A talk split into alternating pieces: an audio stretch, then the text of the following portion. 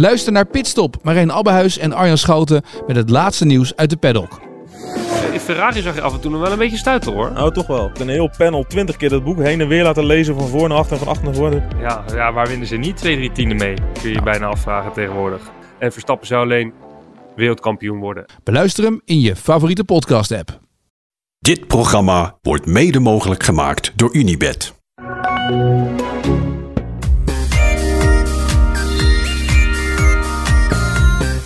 Goedenavond. Goedenavond.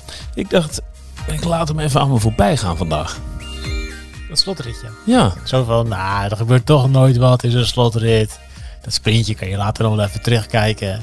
Ge, optocht, champagne. precies dat. Heb ik ongelijk gekregen of gelijk gekregen? Het was zo lekker. Echt? Het was heerlijk. Maar het is de laatste etappe van de grote ronde. Ja, dit is, ik, dit ik is zeg de- dit je vaker. Je moet het allemaal kijken. in De... Dat is absoluut waar. Maakt niet uit hoe, maakt niet uit waar. En daar heb ik jou voor. Ik heb... ik was wel voorbereid op een hele saaie slotrit. Gewoon Je had alternatieve bezigheden om je heen liggen. Nou, eh, ik was, ik, ik dacht, ik moet toch koken, de kinderen op bed leggen, en, eh, nou ja, dat soort dingen, weet je wel. Niks van gekomen allemaal. nee, ja, de- dat is toch heerlijk dat er, je hebt dat rondje ook wel eens gezien daar. We hebben, Ja. daar, we hebben daar gestaan, ja, dat is gewoon Meermaals. Ja. een, een ehm, Ja, het is een Champs-Élysées variant, eh, maar dan makkelijk maar eigenlijk. dan nog makkelijker. Ja, er zitten wel een paar smerige hellinkjes nog in. Is Champs-Élysées ook wel. Maar het is meer een soort ik heb het hele- wel eens hele snelle achtbaan. Zelfs. Het is, het, het is een supersnel rondje. En het is korter. Ja, wel ook nog met twee haarsveld, of in ieder geval twee 180 graden bochten. Dat maakt het wel zwaar. Dan moet je echt wel van, van heel van, van 20 weer optrekken naar, naar 60, zeg maar.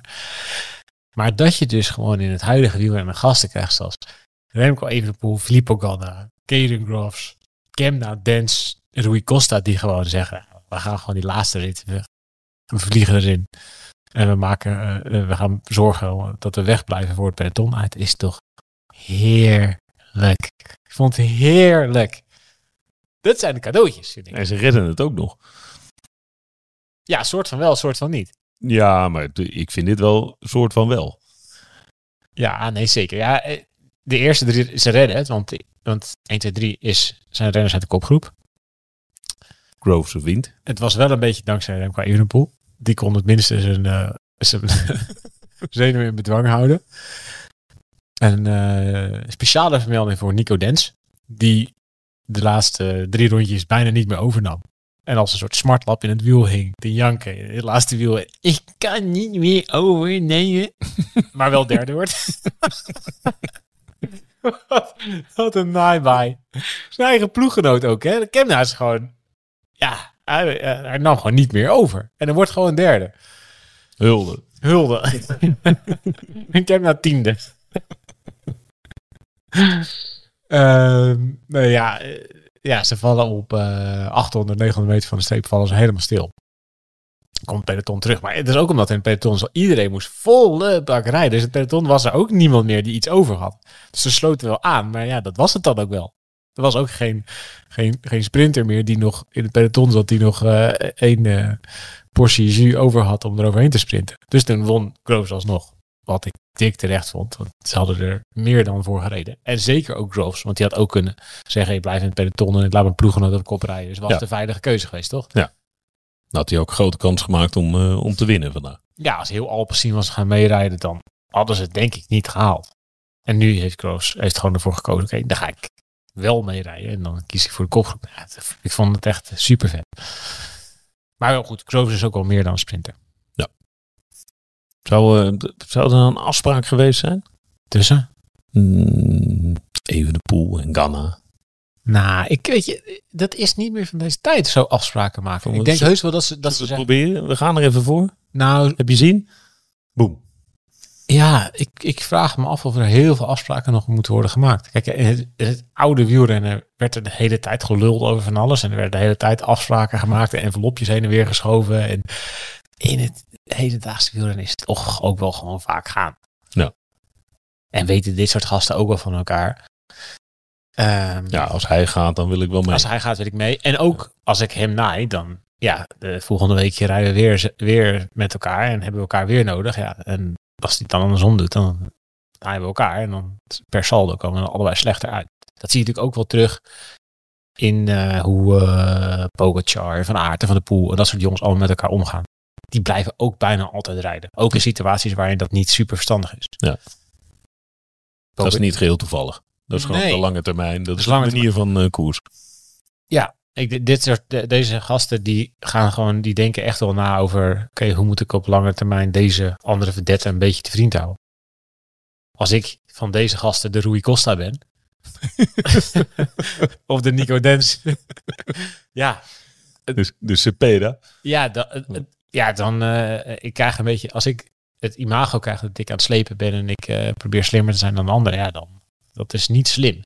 Uiteindelijk op lange termijn, want dan ga je gewoon minder koers winnen op, op lange termijn. Misschien win je dan die ene wel, waar je dan slimmer bent. Ja, en, en daarna word je de appgroep uitgegooid. Daarna word je de appgroep uitgegooid. En dan Jij heb je een probleem. meer. Ja. Ja. Precies. Dus ehm, dat denk, ik, ik, ik denk niet dat er onwijs veel afspraak was. Ik vind het wel leuk dat je ervan genoten hebt. Ja, heb je genoten van de Vuelta als geheel? Hmm.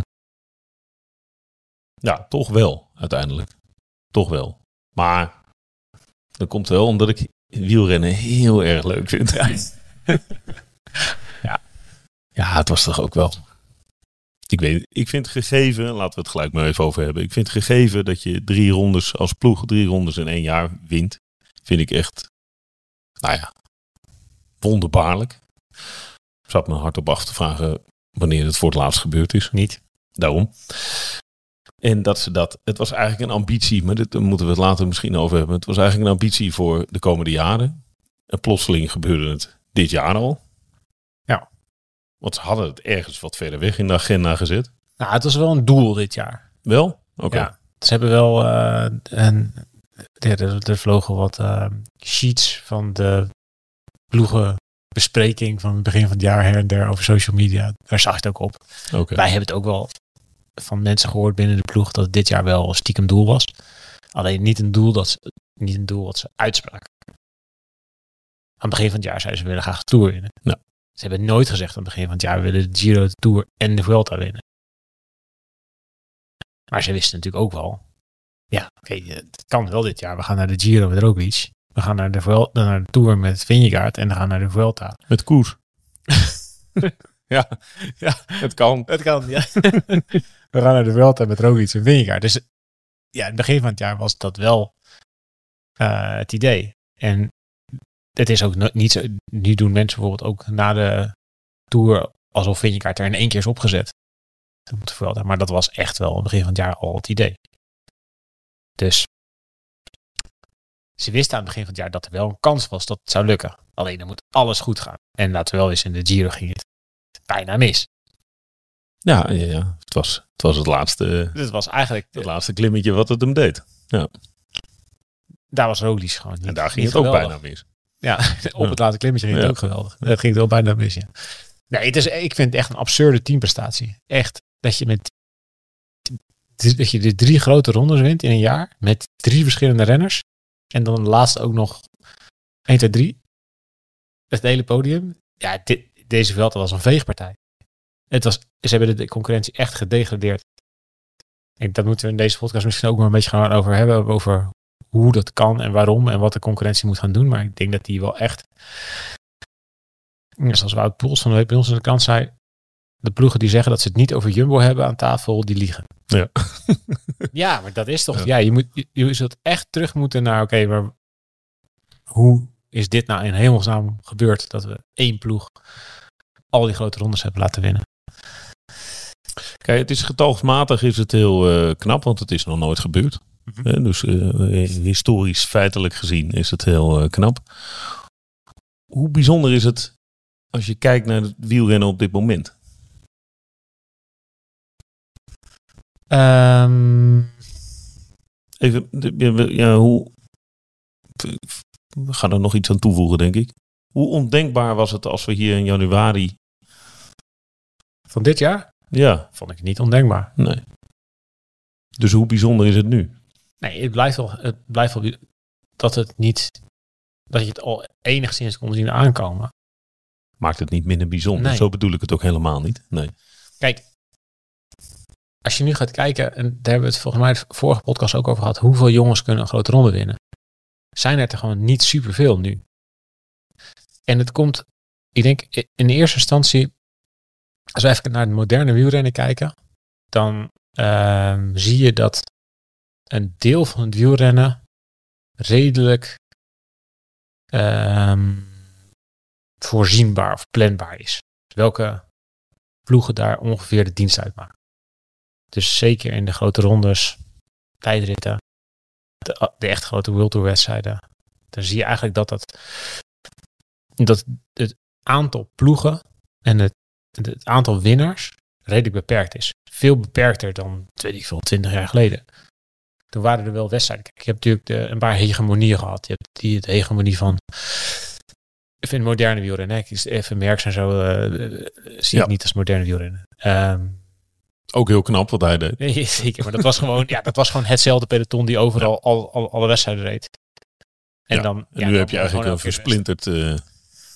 Veel meer. peloton. Veel mondialer, veel, veel, ja, er zijn gewoon veel meer renners uit veel meer landen die heel hard kunnen fietsen tegenwoordig. Ehm, maar als je nu gaat kijken naar, kijk, naar wat zijn hegemonieën, weet je, je hebt natuurlijk Indurain vijf keer de Tour, eh, Armstrong en US Postal, eh, die zeven keer de Tour domineerden. En daaromheen ook nog eh Contador. Dus er zit eigenlijk aan News Postal vast, was dezelfde ploeg, ook heette toen Astana. Ja. is ook wel echt wel een hegemonie te noemen. Die werd overgenomen door Sky. Die hebben het ook wel een jaar of acht gedaan. Heel veel tours gewonnen. Eh Vuelta gewonnen. Giro. Giro gewonnen. Ook met verschillende renners. Het lijkt er misschien nog het meest op. Die wonnen de grote rondes met Wiggins, Froome, Thomas. Yep. Ja. Eh, nou goed, Post kan je ook nog zeggen. Die hebben Armstrong, Heras, Contador. Hm. Ja, dus eh, qua hegemonieën eh, komt Jumbo daar nu wel bij in de buurt. Ehm, meteen de kanttekeningen bij. En waarom denk ik ook mensen sceptisch zijn. Ja, deze ploegen die we nu noemen, waren linksom of rechtsom. eh, er zijn er dopinggevallen. Of dopingaffaires naar boven gekomen. Sky niet te vergelijken met Juice Postal. Dat moet ik ook meteen erbij zeggen. Want dat is wel Zeker niet. Een, gewoon een andere orde. Ehm, maar daar kunnen we zo meteen ook in de podcast denk ik nog wel even over, over inzoomen. Zo'n onderwerp apart. Maar als je kan puur kijkt naar de hegemonie op zich. Is, ja, dan is dit wel echt een nieuwe dynastie, zeg maar. In het wielrennen. Het is niet één keer een jaar. Dit, hier wordt al jarenlang aan gebouwd. En als je gaat terugkijken naar waar Jumbo vandaan komt. Weet je, het komt in de jaren 2013 trok Rabobank de stekker eruit. Dat geld van Rabobank heeft nog twee jaar lang ze ervan gebruik kunnen maken. 2014, 2015 niet meer. Dus 2013, 2014 hebben ze er gebruik van kunnen maken. Ehm, was nog behoorlijk eh, nee, gestoeld op de oude Rabo-gedachte. Gewoon zoveel mogelijk goede renners halen en de hele eh, traditionele oude staf over het algemeen. Toen Plugge en Zeeman aan boord kwamen, hebben ze die staf ook enorm opgeschoond. Eh, ja, daarvan, daar, hebben ze, daar hebben ze echt de bezem doorgehaald. Niet alleen in het rennersbestand, weet je. Het is niet alleen maar Luis Leon Sanchez eruit. Die vandaag bij Eurosport een prachtige ode kreeg aan zijn carrière. Geen woord over dat hij eh, klant was bij Fuentes. Nooit iets over heeft gezegd en nooit een straf heeft gehad. Wat ik zelf nog steeds wel tamelijk schandalig vindt, omdat hij al het bewijzen was. Eh, die ze toen, dat- was deel van de schoonmaak toen, weet je. Die moest en zou eruit. Die Ja. Pluggen en Zeeman, die moest eruit. Ook al eh, kregen ze het uiteindelijk, eh, vonden ze ja, de arbeidsrechtelijke weg was misschien te lastig. Toen hebben ze hem gewoon op een gegeven moment gezegd, ja, hij moet er nu uit. Dan betalen we hem maar, hij moet eruit. We willen niet met dit soort gasten werken. Nee, ga weg. Weg. Ja. Ehm, maar ook, ook in het in de hele omkadering hebben ze daar wel in doorgeselecteerd. Dus ja, dat is, nu klinkt het af en toe als heel erg zweverig en management taalachtig. Weet je wel, we willen de, de, de All Blacks achterna en iedereen moet Tour de France niveau waardig zijn. Weet ik veel. Dat, dat, dat soort dingen roepen ze toch? De hele Oh ja. organisatie, iedereen moet de gele trui de Tour de France waard zijn. Zeker. Dat hebben ze toen wel echt ingezet. Daar is toen wel echt begonnen. Er was heel veel weerstand tegen. Eh, ja, er zaten gewoon daar, weet ik veel, make in chance of eh, verzorgers. Die zaten daar al, weet ik hoeveel jaar, al honderd jaar, weet je wel. En die waren gewoon gewend om het op hun manier te doen. Ja, en dat kon niet meer. Ook ploegleiders, ja, die moesten op een andere manier gaan coachen. Die wilden dat niet. Die zeiden, ja, ik doe het al zo lang zo. Oké, ja, dan niet. Uiteindelijk zijn die allemaal eruit gebonjourd. Ja. En ik denk dat het heel weinig heeft gescheeld, zeker 2015, dat het project mislukte. Ja. Ik denk dat toen heel veel weerstand was. Eh, dus nou, van die oude garde binnen de ploeg, die eruit gewerkt moest worden eigenlijk. Ehm, ik denk dat er ook wel weerstand was bij renners. Er werd, nee, ik weet wel dat jaar werd er bijvoorbeeld heel veel nuchter getraind. Daar hebben ze toen veel mee geëxperimenteerd. Werkte totaal niet. Was geen goed idee. Nuchter trainen is eh, niet eten voordat je Ja. De fiets opstapt. Ja, Ja. ik bedoel, ze, ze, natuurlijk zijn er nog steeds afgeleid daarvan, weet je wel, we trainen met lage glycogeenvoorraad. Het is misschien hetzelfde idee, maar dus nuchter trainen is wel iets meer, iets verder doorgevoerd. Ehm, heel klein budget toen. En het liep gewoon voor geen meter het hele jaar. Ik geloof dat ze zes keer wonnen. In een heel jaar. 2015, welke sponsor zat erop toen? Lotte Jumbo. Ja, oké. Moreno Hopland, ergens een ritje hier, daar. En ja, dat was het wel een beetje. En toen kwam, weet je, het- ze hebben toen Groeneweg gehaald, ze hebben Roglic gehaald. Ik denk dat Roglic echt een, ja, een schot in de roos. Bazzeltje ook wel. Die ze ook wel een beetje komen aanwaaien. Ja, nee, zeker. Dat verhaal eh, Toch? hebben we menig keer verteld. Ja. je, en natuurlijk knap dat ze het hebben gedaan, maar het was ook gewoon, we hebben geen geld. Ja, weet ik veel, wat moeten we? Hier is een ex-schanspringer die super goede test heeft. Ja, Let's Ja, go. We zien wel. niet, weet je Ja. En, en, zeker op de rug van Roglic en Groenewegen hebben ze, hebben zijn ze natuurlijk wel, zijn ze op een gegeven moment wel vertrokken. Ehm, maar je zag toen al wel, eh, kijk 2014 was het jaar dat Mollema en Ten Dam met een aanlopende tijdritfiets in de slottijdrit in de Tour reden. Van, oh ja, Bianchi heeft op het laatste moment een nieuwe tijdritfiets. Gaan we, ja, laten we maar proberen, eh, rijden maar. Dan wordt Mollema 140ste in de tijd met een aanlopend wiel. Fascinerend. Als je nu nadenkt over de cultuur binnen de ploeg en dat Ja. met toen vergelijkt, is dat echt fascinerend Ja. waar ze vandaan komen. En dat ze toen hebben gezegd, oké, ja, weet je, we kunnen dus renners hebben die, ja, je kan dus Bauke Mollema hebben, die dus jaar na jaar in alle grote rondes die er rijdt, de top 10 rijdt of een etappe wint. Maar als dat spul niet goed is. Ja, Ja. wat doe je er dan mee? Dus toen zijn ze echt begonnen met, oké, ja, oké, dan gaan we bezuinigen. Als we weinig geld hebben, gaan we dus niet aan renners salarissen uitgeven, maar steken we het in de randvoorwaarden. Ja, dan moeten de randvoorwaarden natuurlijk wel heel snel heel goed zijn. Want anders zijn er natuurlijk heel veel renners die dan ook afhaken. En ik denk dat 2015 wel echt wel, toen was het denk ik wel erop of eronder. En toen had het hele project ook gewoon uit de handen kunnen flikkeren. En dan waren ze, dan denk ik dat Vlug en Zeeman. Ik weet niet of ze dan nu nog in het wielrennen hadden geweest. Nee, dan was het een niemendalletje in, eh, in de wielersport geweest. Ja, dan was het misschien wel gewoon een Rabobank die als een nachtkaars uitgingen. Ja, we hebben nog iets anders geprobeerd. Ja, we hadden geen geld Nee, meer. Het lukte niet, helaas. Ja. En ja, in 2016 zag je dat het wel werkte. Ja, de Kruiswijk won toen bijna een Giro. Dat vergeten we vaak bijna. Weet je, Tom Dumoulin is in Nederland natuurlijk de grote eerste Giro-winnaar. Weet je, ja, eindelijk hebben we er weer één na Joop Zoetemelk 1980. Ja, dat was natuurlijk eigenlijk gewoon Kruiswijk geweest, die jaar ervoor. Ja, het scheelde één afdaling. Het scheelde één afdaling en één Ja. sneeuwmuur. Ja, Ja. dus, Oh, als hij maar iets rustiger aan had gedaan. tuurlijk. Simpel tuurlijk. gezegd. Maar ehm, ja, je ziet wel natuurlijk gewoon vanaf dat moment is het één grote stijgende lijn. En elk jaar iets meer budget. Op alle niveaus, hè? dus elk jaar iets meer budget. Elk jaar iets betere begeleiding eromheen. Elk jaar weer ergens anders in geïnvesteerd. Elk jaar daarom ook weer en elk jaar iets betere renners. En ja, als je dat dus jaar na jaar na jaar op alle vlakken blijft doorbouwen.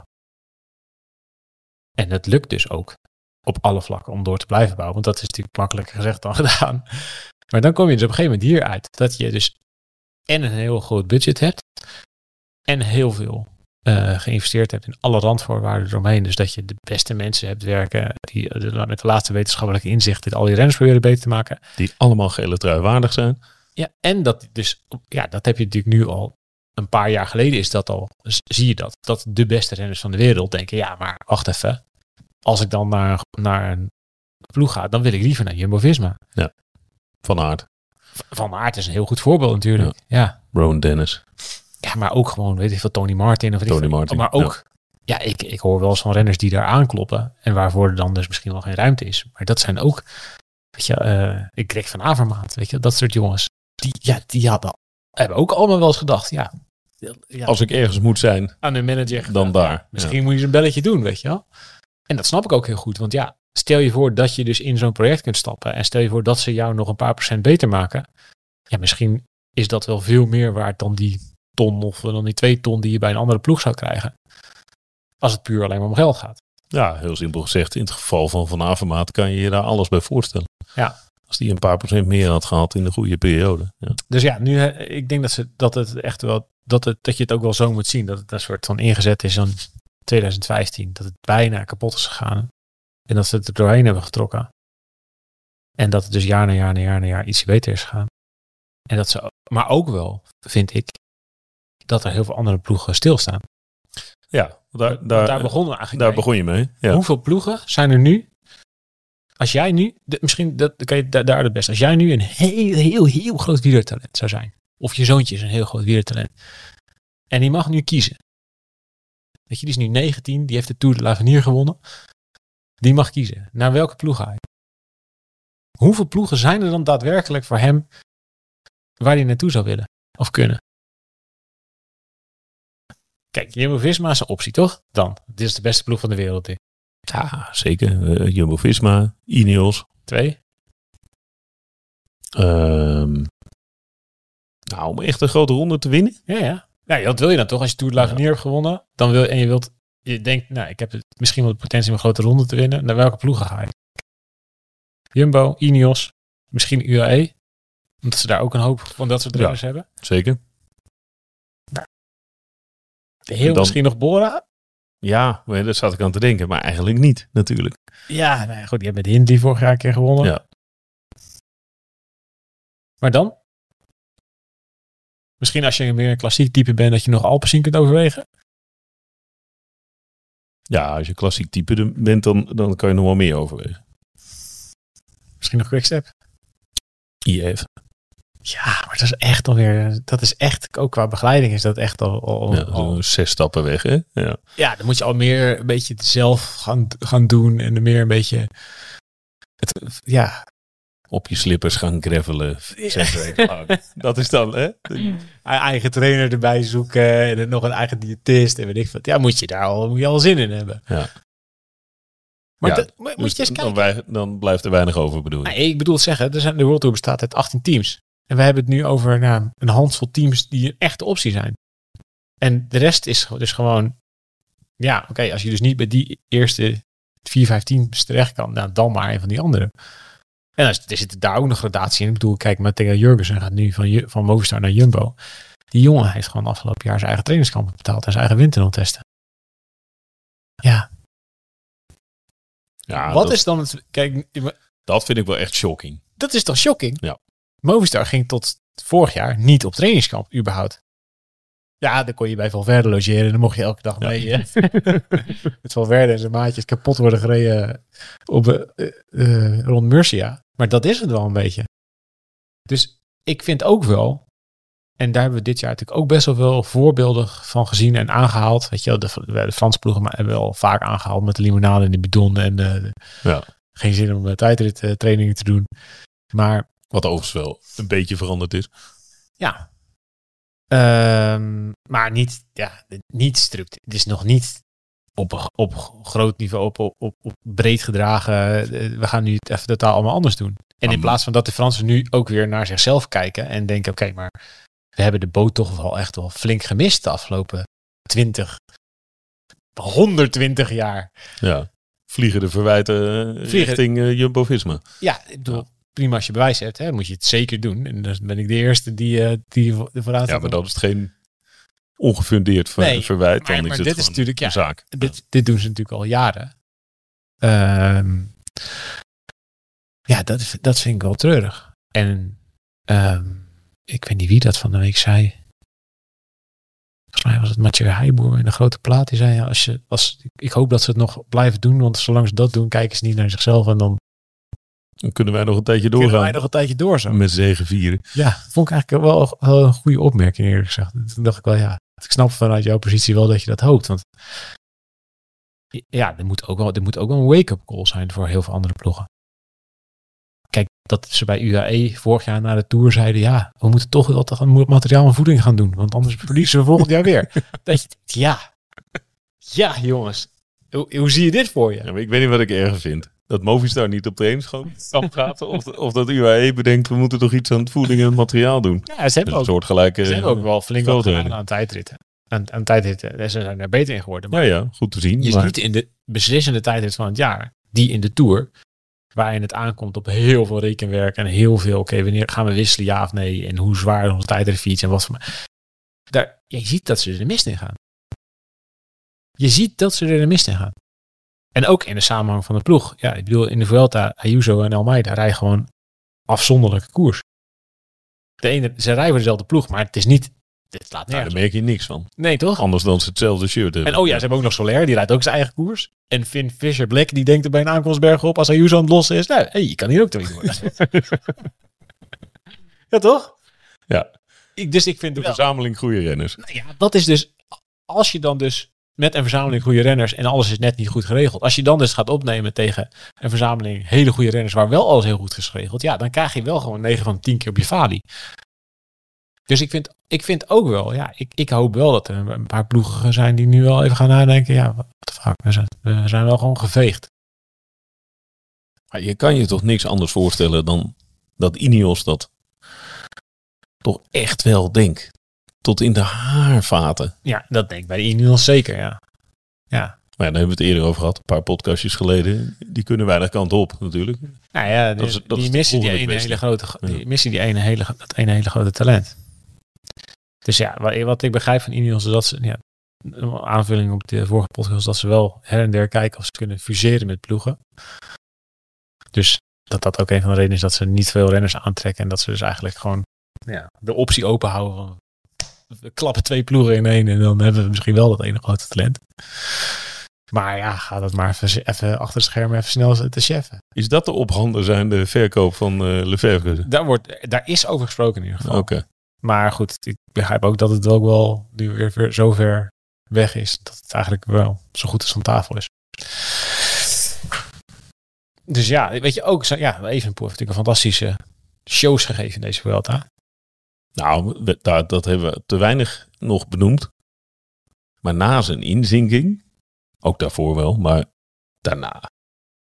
Heerlijk. Ja, het waren mooie shows. Ja. Maar het was, als je puur gaat kijken, als je gaat inzoomen op, show, op, op die, die eerste show met Bardet in het wiel. Daar hebben we het ook wel even over Ja, gehad. Dat was zeker. echt indrukwekkend. Maar als je dan gaat kijken naar de klimtijden van de bergen die hij toen is overgereden, dan viel het eigenlijk nog wel tegen. Toen dacht ik, oh, hm, oké. Is niet, niet fantastisch.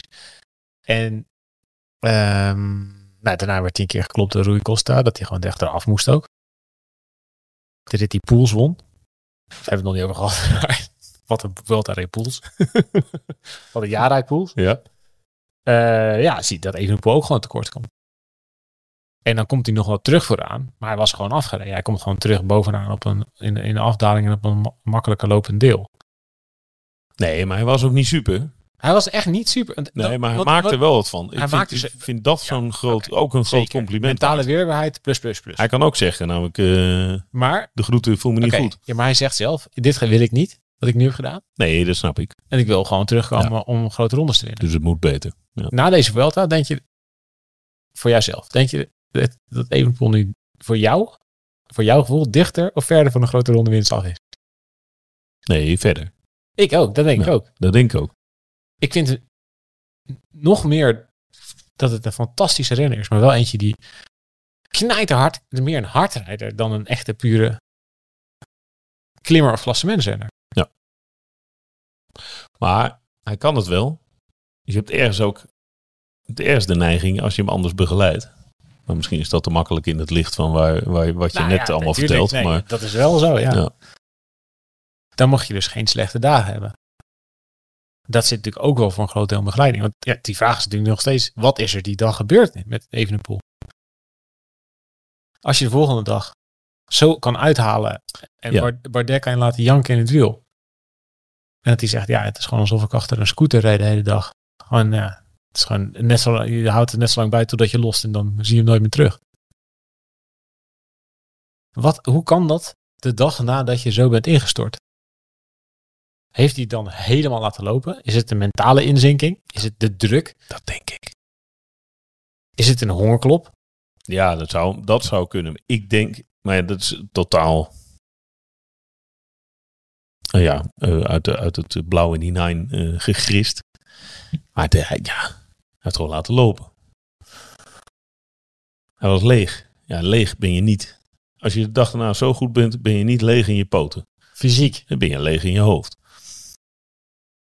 En dan kan je het niet meer opbrengen. Dan is er iets. Misschien heeft hij, weet ik veel. Het is een emotionele jongen. Ja, ik vul het allemaal maar in. Maar Nee, maar het was ook niet zo dat er nog, weet ik veel, dat hij, dat hij twaalfde werd. Nee, nee, nee. Hij is echt... Op twee eh, minuten. Nee, ja. Op, eh, wat was het? 26 minuten kwam Ja, hij boven? zoiets, 27 minuten geloof ik. Ja.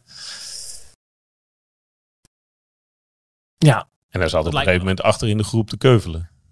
Ja. Nee, ja, op een gegeven moment als hij op... Ja, kijk, als je op, op 20 minuten hoort, dan kan je net zo goed de 30 minuten van maken. Dan maakt het ook niet meer uit. Maar dat was een rare dag. Ja. Daar zijn, daar, ik denk dat ze daarbij... Dat hij daar nog wel een tijd mee zit. En dat hij de volgende ronde ook op die manier begint. Maar dat is toch verder niet... Dat heeft hem niet in zijn benen gezeten. Wat denk jij? Kruipen ze zien. Ja, dat vind ik, ik vind dat echt heel lastig. Ik ook hoor. Want ik had, ik had, ja, ik bedoel, ik dacht toen echt, ja, dat kan alleen maar als je ziek bent of je hebt een hongerklop. Dat gaat dagen duren. Dan komt hij misschien nog wel een keer weer terug in het spel, maar niet de volgende dag. En niet zo. Maar ja, maar ook die laatste dagen was hij soms gewoon gekke momenten dat hij, dat hij moest passen. Toen Poels aanging, in de zaterdagrit. Zo. Ja, dat was met, met, dat was met het mes tussen zijn tanden. Moest hij echt passen. Dus ja, ik, ja, ik, ik, ik weet het niet. Het is, ik bedoel, laten we wel zeggen, het is een super jonge gast. En als hij niet al zoveel gewonnen had en zoveel druk op zich had gehad en zoveel verwachtingen, dan hadden we gezegd natuurlijk, ja, weet je, dit is gewoon hoort bij het leerproces. En Ja. die gaat echt nog wel, die komt er echt nog wel. Hij is eigenlijk te goed geweest om... eh, Ja, dat is lullig, hè? Ja. Je gaat nu meer focussen op, op de dingen die hij niet kan dan de dingen die hij wel kan. Dat- Maar als je dat nu zou zeggen, het hoort bij het leerproces. Nou, dat vind ik, dan hoort het wel bij de. Ik denk wel dat het ook wel bij het leerproces hoort dat je dus. Dat is het kloterige van klassementsrenner zijn. Je kan gewoon. In het hedendaagse wielrennen zijn er zoveel sleutelritten. Waar het erom gaat. En niet bijvoorbeeld in die Vuelta van vorig jaar die die won. Daar, waren echt, daar was de concurrentie echt minder. En waren er ook minder echte sleutelritten. De laatste week was het toen echt één bergrit geloof ik. nog. Ja. Weet je nog? Toen moest Roglic gaan aanvallen op een soort vals platstuk. Ja, dat was een teleurstellende laatste week. dat was een hele heel- laatste week. Ja, daar kon heel weinig. Er kon ook echt weinig. Ja. Ehm, dus dat, ja, dat, daar, kun je, daar kun je dagen hebben dat je je niet helemaal goed voelt of zo. En, dat je denkt, ja, pff, ja. en dan uh, eindig je keurig in peloton en is er geen haan die naar kraait. En nu waren het alleen maar sleutelritten. Nu waren het alleen maar sleutel. Maar bijvoorbeeld Vingegaard was ook echt... We hebben- ja, dat kon je ook zien. In de eerste helft van de was hij minder goed. Hij had dus een, een of andere maaginfectie. Heeft daar een beetje mee lopen rommelen. En dat heeft hij wel verborgen weten te houden. Dus hij was wel een paar, keer dat je zag... Oké, hij is nu echt... Sorry, de KT moest hier echt af. De laatste paar honderd meter. Vond ik ook een lastig klimmetje. Vond ik ook. ja, zeker. Eh, maar ja, je- moet er wel op de een of andere manier doorheen slaan. Het kan, het, het- dat vind ik nu eigenlijk het, zijn grootste probleem is dat het allemaal helemaal goed moet vallen. En dat hebben ze ook zelf gecreëerd. Ja. Door niet naar de Tour te gaan dit jaar. En nee, we gaan naar de Vuelta, want die kunnen we helemaal goed voorbereiden. En dan kunnen we het allemaal winnen. En nu moet alles helemaal goed vallen. Elke keer. Ja, maar dat hebben, we van de, dat hebben we van het voorjaar ook gezegd. Het is echt, wat dat betreft, best wel een gemiste kans als je het nou over mentale druk hebt.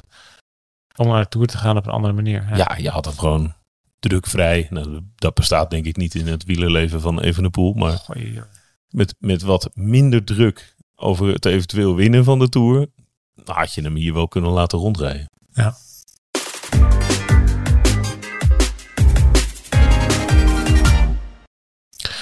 Zullen we eens even een poging wagen?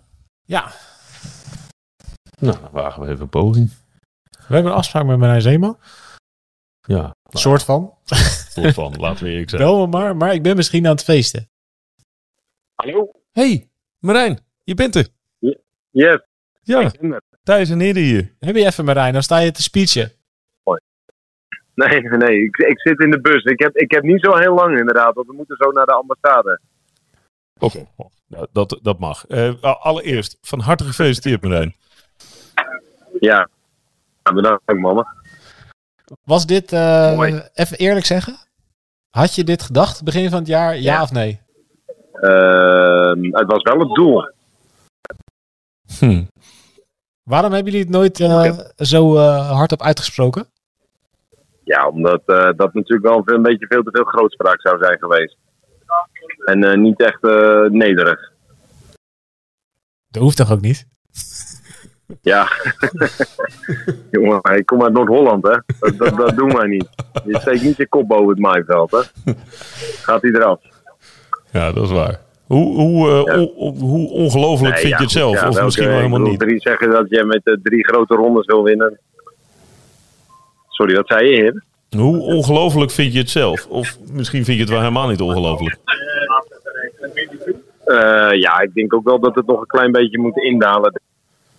Deze, deze winter. Omdat, omdat het ook altijd. Het gaat allemaal zo snel achter elkaar door. Hè. Dus dan, als de Giro net klaar is, zit, zit je eigenlijk volop in de, volop in de tourvoorbereiding. En als de, als de tour eh, klaar is, dan eh, is, is alweer volop met de Vuelta bezig. Dus het gaat zo snel allemaal eigenlijk. Maar ik denk als straks het seizoen gewoon klaar is, dat dan, ehm, ja, dan eh, daalt het besef nog wel wat in. Want ja, het is natuurlijk wel echt absurd wat er, wat er dit jaar is gebeurd. Eh, heb jij moeten ingrijpen de laatste week van de Vuelta? Heb jij moeten zeggen, oké jongens, nou kappen en nu is het voor Sepp? Ja, ehm, kijk, ehm, eh, ik denk dat het gewoon eh, goed gebruik is dat, eh, dat je dingen die in de kleedkamer eh, gezegd en besproken worden, dat je dat in de kleedkamer eh, houdt. Dus, dat, dus, dat, eh, dus dat, dat doe ik ook.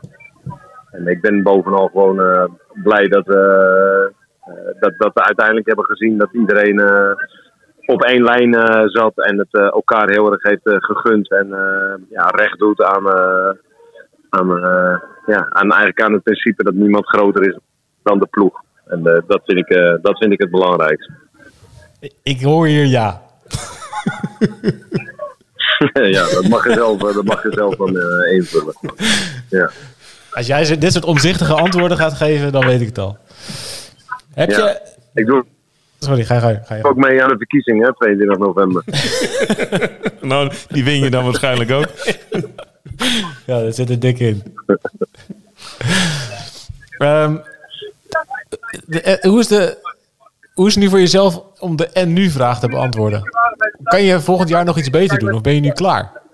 Ja, ja, nou weet je, kijk, eh, had ik het net ook nog met, met iemand over. Het, is, eh, het, het, het winnen is, eh, is, is gewoon hartstikke mooi in sport.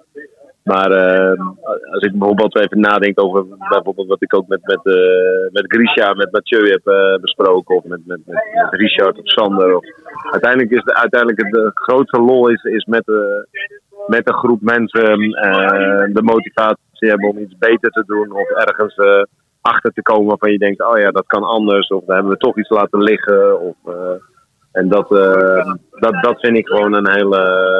dat, dat vind ik eigenlijk uiteindelijk aan sport het, het leukste. En, eh, eh, dus ja, de kans is heel groot dat we volgend jaar natuurlijk niet meer eh, hetzelfde succes eh, hebben als dit jaar. Maar dat wil niet zeggen dat het niet nog steeds net zo leuk of inspirerend is om dit eh, eh, met elkaar te doen. En, eh, dat is in ieder geval ook mijn persoonlijke drijfveer om, eh, om dit werk te doen. Weet je hoeveel monumenten jullie achter elkaar niet hebben gewonnen? Ja, te, te, te lang, te veel, ja. Dus eh, nee, maar dat is zeker nog een. eh, ja, en, en een, een, een onderdeel Parijs-Roubaix en de Ronde van Vlaanderen, waar, waar we, ja, die heel hoog op ons lijstjes staat. Maar ook gewoon wel om dat als ploeg met elkaar te doen. Dus dat, dat, dat, dat was en dat is en eh, dat blijft een, eh, een heel groot eh, doel. Als je nu even die, dit op een rij zet, hè? je wint drie grote rondes in een jaar. Met, in de laatste grote ronde speel je met de tegenstand. Ligt het dan, ehm, is het omdat jullie zoveel dingen heel goed voor elkaar hebben? Of is het omdat de tegenstand ook wel heel veel steken laat vallen? Ik denk dat het een combinatie is van die twee. En eh, kijk, een van de dingen die, waar ik het net ook nog met, met, iemand over had, is wij hebben bijvoorbeeld in de Vuelta, dat, dat was gewoon ons grote hoofddoel van het naseizoen. Dus eh, weet je, ik denk dat ook gewoon veel teams eh, hun kansen heel veel spreiden over heel veel wedstrijden. En, en wij hebben gewoon ons best denkbare team naar de, naar de Vuelta gestuurd. Ja. Ehm, en, eh, en, en, en, dat gewoon ook eh, daar alle resources op gezet. En niet alleen de rennersgroep, maar ook gewoon, ja, gewoon de, zeg maar de belangrijkste omkadering. Ehm, ja, gewoon je volledige focus op die wedstrijd hebben. Dus dat geldt voor mijzelf, maar dat geldt voor Mathieu. Of Martijn Reden geldt, of Grisha eh, die hier is. Kijk, dat, al- alles bij elkaar is eigenlijk dat je gewoon echt gewoon, ja, van je doelen gewoon een, een compromisloos doel maakt. En ik denk dat dat, ja, ik denk dat dat ook een heel groot verschil maakt. En, ja, eh, en, en, en dat betekent ook dat je een hoog eh, fysiek niveau haalt, maar, maar ook als team gewoon echt het aller, allerbeste eruit haalt. En dat iedereen ook voelt dat het gewoon eh, super belangrijk is om, om het hier weer te doen. Ik denk dat dat, ja, dat was. ik denk dat het een combinatie is van, van heel veel dingen, maar dat is daar zeker ook een onderdeel van. Ik eh, hoorde dat het lekker druk wordt in de bus. We zullen je een ontzettend mooie avond eh, wensen. Ik heb nog één vraag, Marijn, voordat je het feestgedruis induikt. Ja, Ehm, ben je einde jaar beschikbaar voor een podcast met eh, daarin een, een, een terugblik? uiteraard. Gaan we doen. Geweldig. Er is in Amsterdam ook nog een club die nog eh, iemand nodig heeft om de boel uit het slop te trekken. Kan je ook nog overwegen. Ja, Marijn Zeeman naar Ajax. Ja, komen we later wel terug. Dankjewel Marijn. Geniet daar. Ja. Komen we op terug. Komen we op terug. Goed, hè? Jo, bedankt mannen. Fijne hoi. avond. Hè. Hoi hoi. Hoi.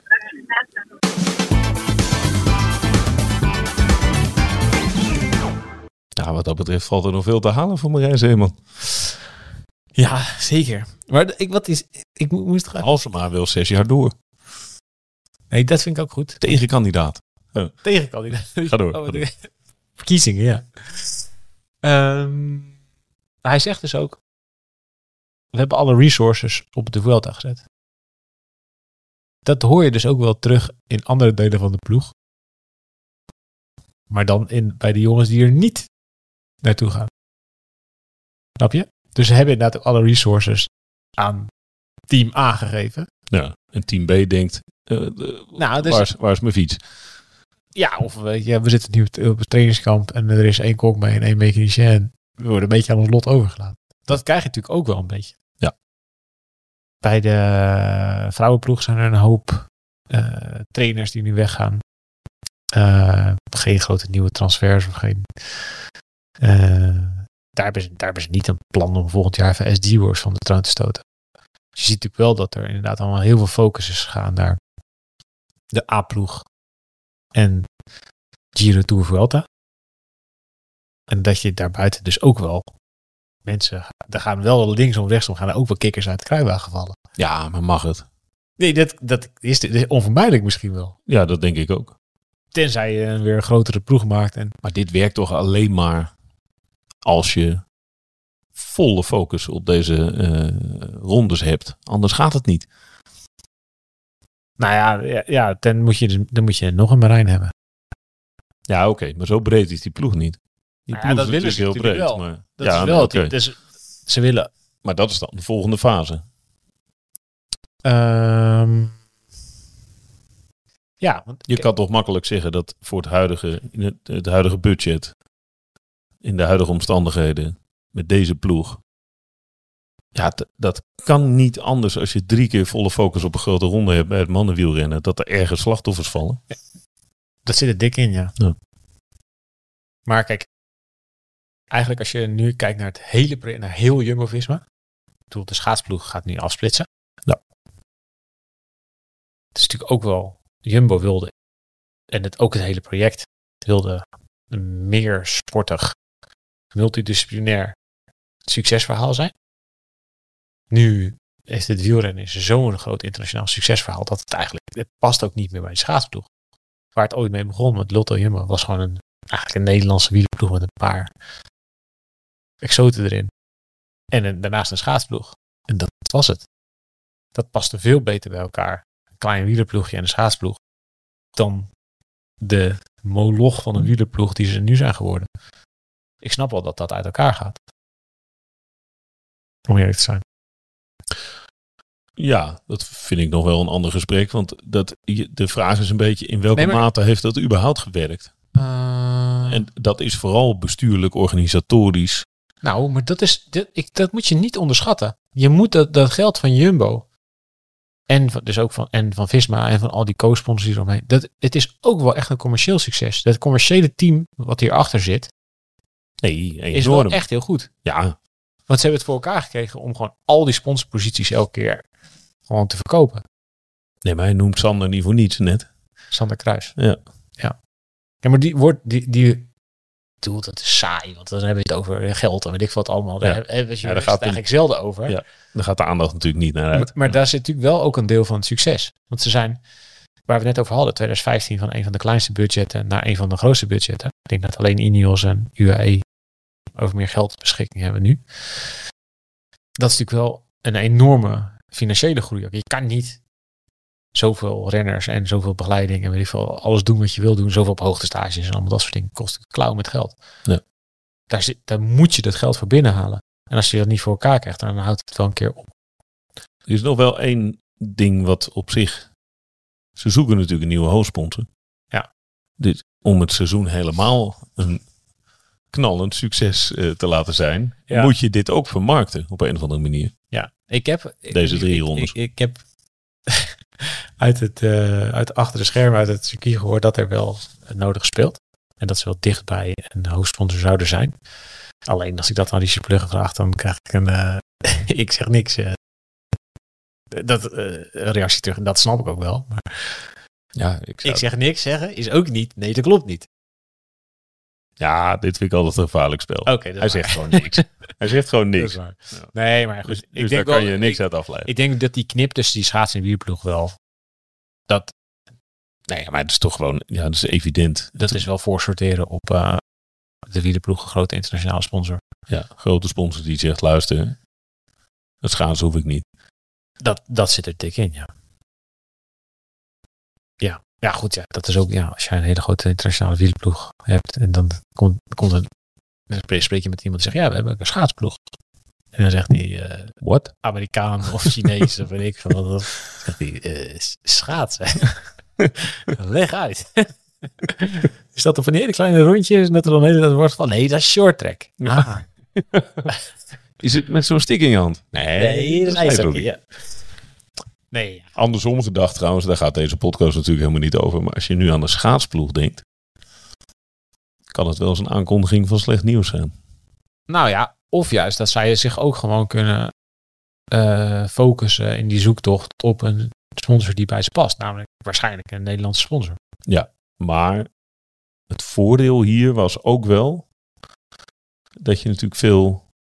Er zat een hele grote partij achter, Jumbo in eerste Hmm. instantie. Maar was wel een Nederlandse sponsor. Er was een Nederlandse sponsor met een grote liefde voor het schaatsen. Maar die is niet weg, hè?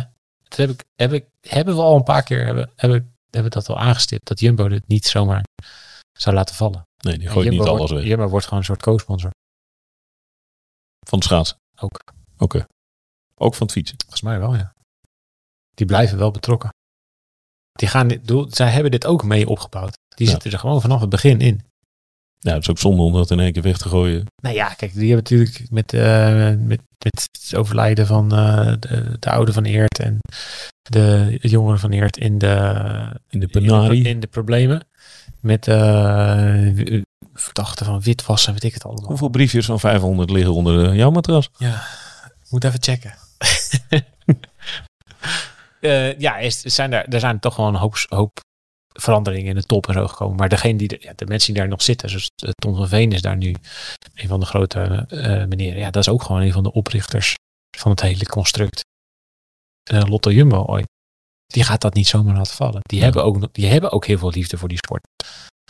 En die hebben dat helemaal opgebouwd. Die gaan dat niet zomaar laten zien verkruimelen. Dat, dat snap ik ook wel. Dus eigenlijk wat zij doen is ja, ze maken eh, ze doen een stapje terug, maken ruimte voor een nog grotere sponsor, maar ze laten het niet vallen. Weet je wat ik wel interessant vind? Nou. Als je dus nu terugkijkt. We hebben nu een paar keer over het, het hele traject vanaf 2015 gehad. Waar je, wat je ziet is waar ze heel goed in zijn, is, zijn de meest maakbare dingen in het wielrennen. En dit is natuurlijk een gevaarlijke uitspraak, want succes is niet helemaal maakbaar. En er kunnen honderdduizend en één dingen verkeerd gaan. Ook dat hebben ze meegemaakt. Zeker, ja. Eh, en niet alleen Kruiswijk in die sneeuwmuur, maar ik denk Nee. zeker Roglic. Roglic. Ja. Dat was natuurlijk een, voor hun gevoel een hele maakbare tour. We hebben nu de beste renner van de wereld. We gaan gewoon elke dag op kop rijden, dat er niemand wegrijdt. En dan wint hij vanzelf. Sterker nog, we eindigen, we eindigen met een tijdrit. Weinig met tijd is hij ook goed in. Ja. Deze Hier gaat weinig fout. Hier, Ja. kan niet misgaan. Eh, mis. Ehm, maar als je ziet waar zij dus heel goed in zijn, waren het dus eerst vooral tijdritten. Daar, daar waren ze echt, daar specialiseerden ze zichzelf in, kwamen echt echt grote renners naar ze toe om daar beter in te worden. Nee, Rowan Dennis, Tony Martin, allemaal dat soort gasten. Eh, ook wel echt veel te maken met eh, de input van Mathieu Heijboer, die daar gewoon een gigantisch project van heeft gemaakt om elk jaar een klein, beetje beter te worden en die renners er echt beter in te laten worden. Eh, wat ook heel veel door andere ploegen ook nu goed wordt gedaan. Ik denk dat er veel ploegen zijn die ook wel hebben gezien van wacht even, maar als we hier tijd, geld en energie in steken, kun je echt Enorme stappen maken ja, nog. In, veel- en in je heel ziet veel het gevallen. echt Ja. in- bij tijdrit, bij tijdrit is het meeste zo. Ja, je stopt een euro in en je krijgt er, eh, je krijgt er een euro en twee cent uit. Weet je, daar zie je eigenlijk het meeste return on investment is in tijdrit natuurlijk best wel groot. Het is gewoon één iemand, één fiets, maakbaarder dan dat krijg je het niet in het wielrennen, toch? Nee. Eh, grote rondes zijn voor een deel maakbaar, want ja, daar gaat natuurlijk op dagelijkse basis kan, kunnen dingen misgaan. Maar als je met zo'n ploeg naar de Vuelta bijvoorbeeld gaat, zoals ze nu gaan, ja, dan kan je de Vuelta, dan kan je de ploegentijdrit kan helemaal de mist ingaan. Als je in het donker moet starten van een organisatie en, en naar de finish moet zwemmen in Barcelona en 30 of vij- of 35 seconden verliest, ja, dan maakt het niet uit. Was zwak dat die heiboer dat niet voor elkaar had. Heel, heel matig. Als het over 21 etappes trekt, dan maakt dat niet uit. Maar als ze dus minder goed in zijn, en ook echt aanmerkelijk minder goed, en daarom vroeg ik het dus net, weet je, hoe, aan aan Marijn, weet je hoeveel eh, monumenten je al niet hebt gewonnen? Ben je toch een zeiksnoer, hè? Nee, maar dat, want ik wil er een punt van maken. Bedwelmd door, door succes. Ik wil er een punt van maken. Dat vind ik namelijk wel belangrijk. Het zijn er nu 15 namelijk. Ze hebben 15 monumenten achter elkaar niet gewonnen. Terwijl ze eh, daar ook de renners voor hebben. En daar ook echt op inzetten. Het is namelijk het enige doel dit jaar. Niet is gelukt. Nee. Ze wilden de Giro winnen, ze wilden de Tour winnen, ze wilden de Vuelta winnen en ze wilden minstens 10 overwinningen met Olaf Kooi. Nou, overal een vinkje achter. Maar ze wilden ook Ze wilden minstens tien overwinningen met Olaf Kooi. ja. Je moet die an dat andere deel van de ploeg ook een doel geven. Hè? Ja. Dus ja, die jongens die dus niet Giro Tour Vuelta rijden. Olaf Kooi is daar een, een voorbeeld van. Is daar eigenlijk- het, het grootste slachtoffer misschien wel van. Maar ja, denk jij eens na over, weet ik veel, Gijs Leemreizen. Vorig jaar. Fantastische Giro gereden. Geweldig. Toch? Ja. Ja, die gaat, ja wat, waar komt hij nog? Waar doet hij nog mee? Ja, jongens, Mike Teunis is niet voor niks weggegaan. Die, heeft, Nee. die zag natuurlijk aankomen. Die denkt, ja, Timo Rozen, ja, die gaat weg. Ja, weet je, wat doe je nog? Waar, hoe kan je nog? In deze ploeg, hoe moet je, moet je er maar tussen vechten ergens? Dit zijn, dit zijn wel dure plekjes. Als je, nou, dan moet je dus of beter zijn dan op die positie dan Dylan van Baarle. Dat is al lastig. lastig. Of dan Robert Geesink. Is al lastig. Geesink is al tweede keus, want die gaat niet naar de Tour. Of dan moet je beter zijn dan Jan Tratnik. Dat is ook al lastig. Eh, ja, of je moet dus beter zijn dan Vingegaard, Roglic of uh. Nou, dat gaat je, gaat, je sowieso niet lukken. gaat je sowieso niet lukken. En dan heb je nog Van Aert. Die moet je nog anders ergens tussenuit kegelen. En daarbuiten, hoeveel plekjes zijn er over? Ja. Hoeveel plekjes zijn er over voor Jos Valter. Ja, ja, je, dat soort jongens die zijn er gewoon langzaam maar zeker. Het is gewoon doorselecteren. En ze gaan dus net naar elke grote ronde met een team om die ronde te winnen. Ja. Dat betekent dus ook dat er gewoon heel veel jongens zijn bij Jumbo die geen grote ronde rijden. En die dus een ander doel moeten hebben. Ja, het doel was dus Olaf Koya minstens 10 overwinningen helpen. Is gelukt. Is gelukt. Maar het hele idee om eh, een monument te winnen. En dan natuurlijk het liefst Vlaanderen-Roubaix. Is niet gelukt. Nee. En is vorig jaar niet gelukt. Nee. En het jaar daarvoor niet gelukt. Oké, het kan dit jaar nog met Lombardije. Maar die kans lijkt me niet heel groot. Kan je met wie ze rijden überhaupt? Maar dat zegt wat mij betreft iets over... ehm, kijk, ik denk dat monumenten, die eendaagse wedstrijden, het minst maakbaar zijn. Dat je daar de meeste gekke dingen kunt tegenkomen. En ook het meeste gekke renners in rondrijden. Wat je natuurlijk elke keer ziet als als Jumbo de kans krijgt om te jumboen. Dus ze gaan op kop rijden. Zij maken de koers. Ja, maar dat doen ze toch elke keer. Ja, het controleren van een wedstrijd. Ze controleren de wedstrijd. Zij bepalen hoe de wedstrijd verloopt. Ja. Maar niet in de monumenten. Nee, dat zag je heel duidelijk. Want dan is het, dan, dan weet je, dan maakt Pogacar het uit. Dan maakt Mathieu van der Poel het uit. En dat is natuurlijk elke keer een, een, een heel groot probleem voor ze. Want dan is het in één keer niet meer maakbaar. En dan kunnen ze niet meer eh, dat tactische plan gewoon één voor één, stapje voor stapje voor stapje ontvouwen. En dan gaat in één keer Mathieu van der Poel op 120 kilometer van de streep aan. Of Pogacar die gaat in één keer iets heel raars doen. En dan is het in één keer, bam, alles op zijn kop. En dan is het toch anders. En dan is het toch een, een hele andere sport. Ja, je zag het in Roubaix natuurlijk. Dat, maar goed, Daar deden ze heel lang, waren ze aan het Jumbo. Ja. Toch? nee, goed, reden maar- best wel een gecontroleerde wedstrijd. En, en daar was Van Aert ook eh, ver mee. Ja, ja, hij toen pech. Ja. Maar daar hebben ze ook niet de wedstrijd in, in handen. Daar heeft Alpecin de wedstrijd in handen. Ja. En doet Van Aert in zijn eentje, moet tegen drie Alpecins opboksen. In die monumenten hebben ze de wedstrijd niet onder controle. Zoals in de grote rondes. En dat vind ik ook wel eh, een... Nou ja, als ik bij een andere ploeg zou werken, zou ik dat ook wel echt wel naar die grote rondes kijken. Hoe hebben ze dat nou gedaan? Kijk, deze in de ze, zijn ze gewoon veel te goed voor de rest. Weet je wel, in de Vuelta kunnen ze, kan de rest kan op zijn kop gaan staan en winnen ze nog niet. Weet je, misschien dat ze er eentje van het podium afkegelen. Dat had gekund. Maar dan had je nog met Roglic en Vingegaard gezeten. Denk, een andere koers hadden ze Kuus van het podium kunnen houden, toch? Ja. Ja. Al om te beginnen door Kuus niet drie minuten voorsprong te geven. Bijvoorbeeld. Eh, in de Tour was Jumbo tactisch gezien echt geweldig. Daar hebben ze de wedstrijd elke dag in handen genomen. Hebben ze, zijn ze elke dag gaan demareren overal. En ze heeft de rest eigenlijk gewoon alleen maar met, met, met handen in het haar. En elke keer, oh, wat, wat moeten we nu? En ja, voordat je wist was, was het alweer om zeep. Maar heeft UAE ook met krachtige smeten. Wa- Wat je echt al na week één kon, de- denk je. Waar we ons ook echt over verbaasd waarom? Ja. Waarom? Waarom zou je dat doen? Ja, je gaat het Ja. nog zo nodig hebben. Maar zeker als je terugkijkt naar de Giro, waar Jumbo een totaal andere tactiek had. Het is niet dat ze elke keer hetzelfde doen. Ze passen het echt aan naar oké, hoe, hoe goed, ze- hoe goed is onze kopman, hoe gaan we deze wedstrijd winnen. En in de Giro was Roglic niet goed. En ja, lieten ze de koers gewoon elke dag gewoon doodbloeden. En heeft de rest er gewoon niks mee gedaan. Nee. Niks, hè? En als de Roglic in de, eerder in de Giro hadden aangevallen, dan, had, dan hadden ze hem een keer de nek omgedraaid. Daar ben ik echt van overtuigd.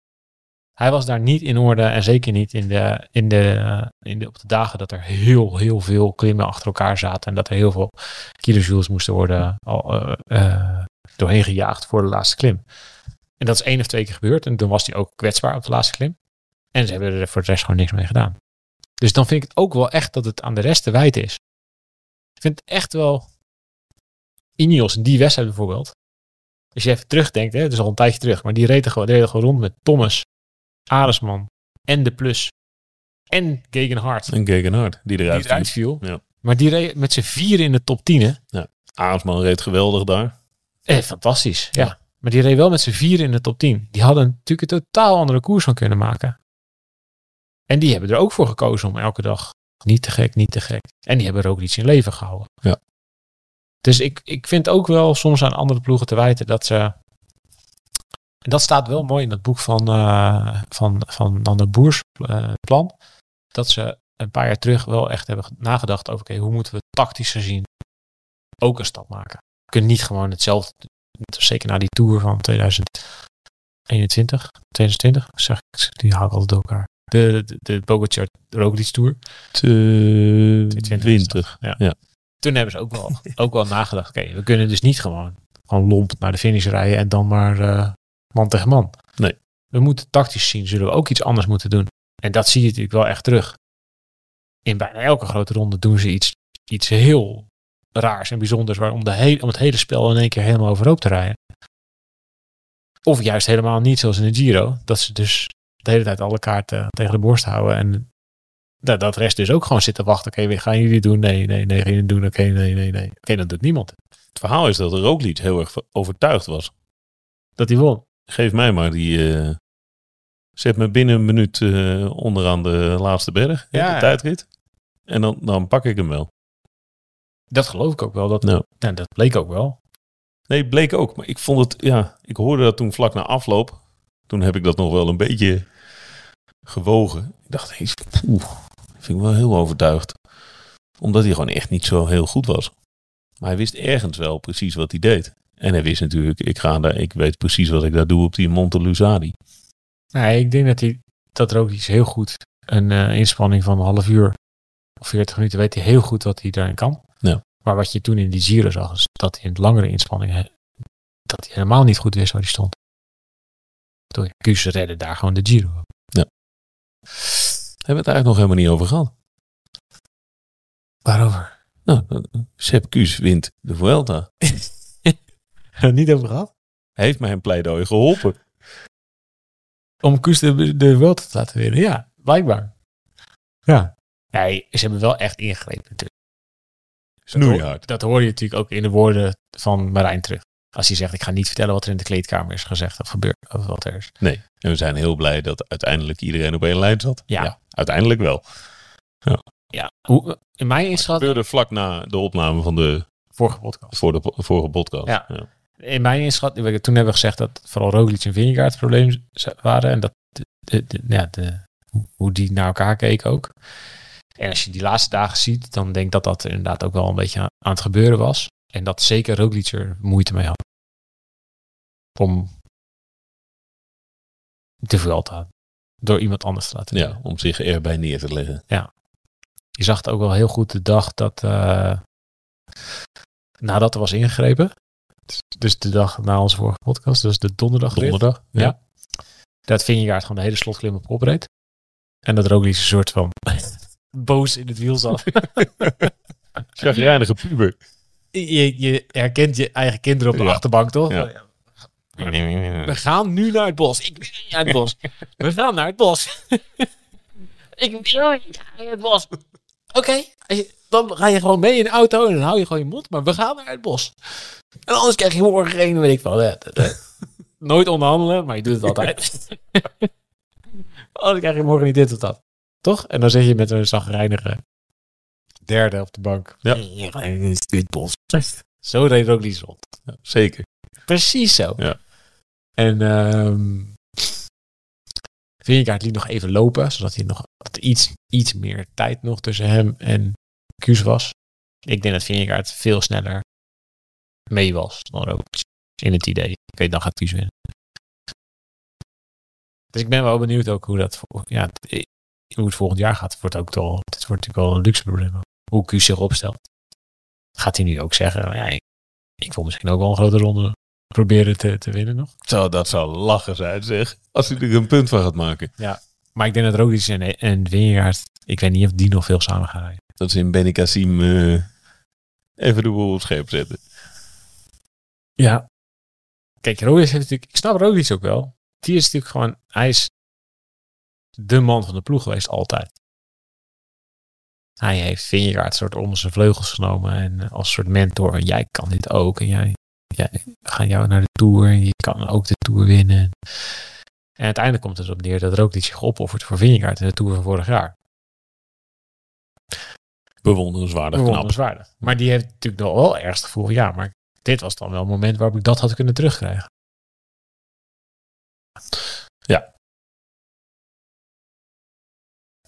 Maar er zit toch in hem toch ook genoeg medemenselijkheid om, om te beseffen dat... Ja, natuurlijk. Medemenselijkheid, bla bla bla. Maar ja, het is Iets- ook gewoon wel een gast met een, met een, met een loeihard hoofd.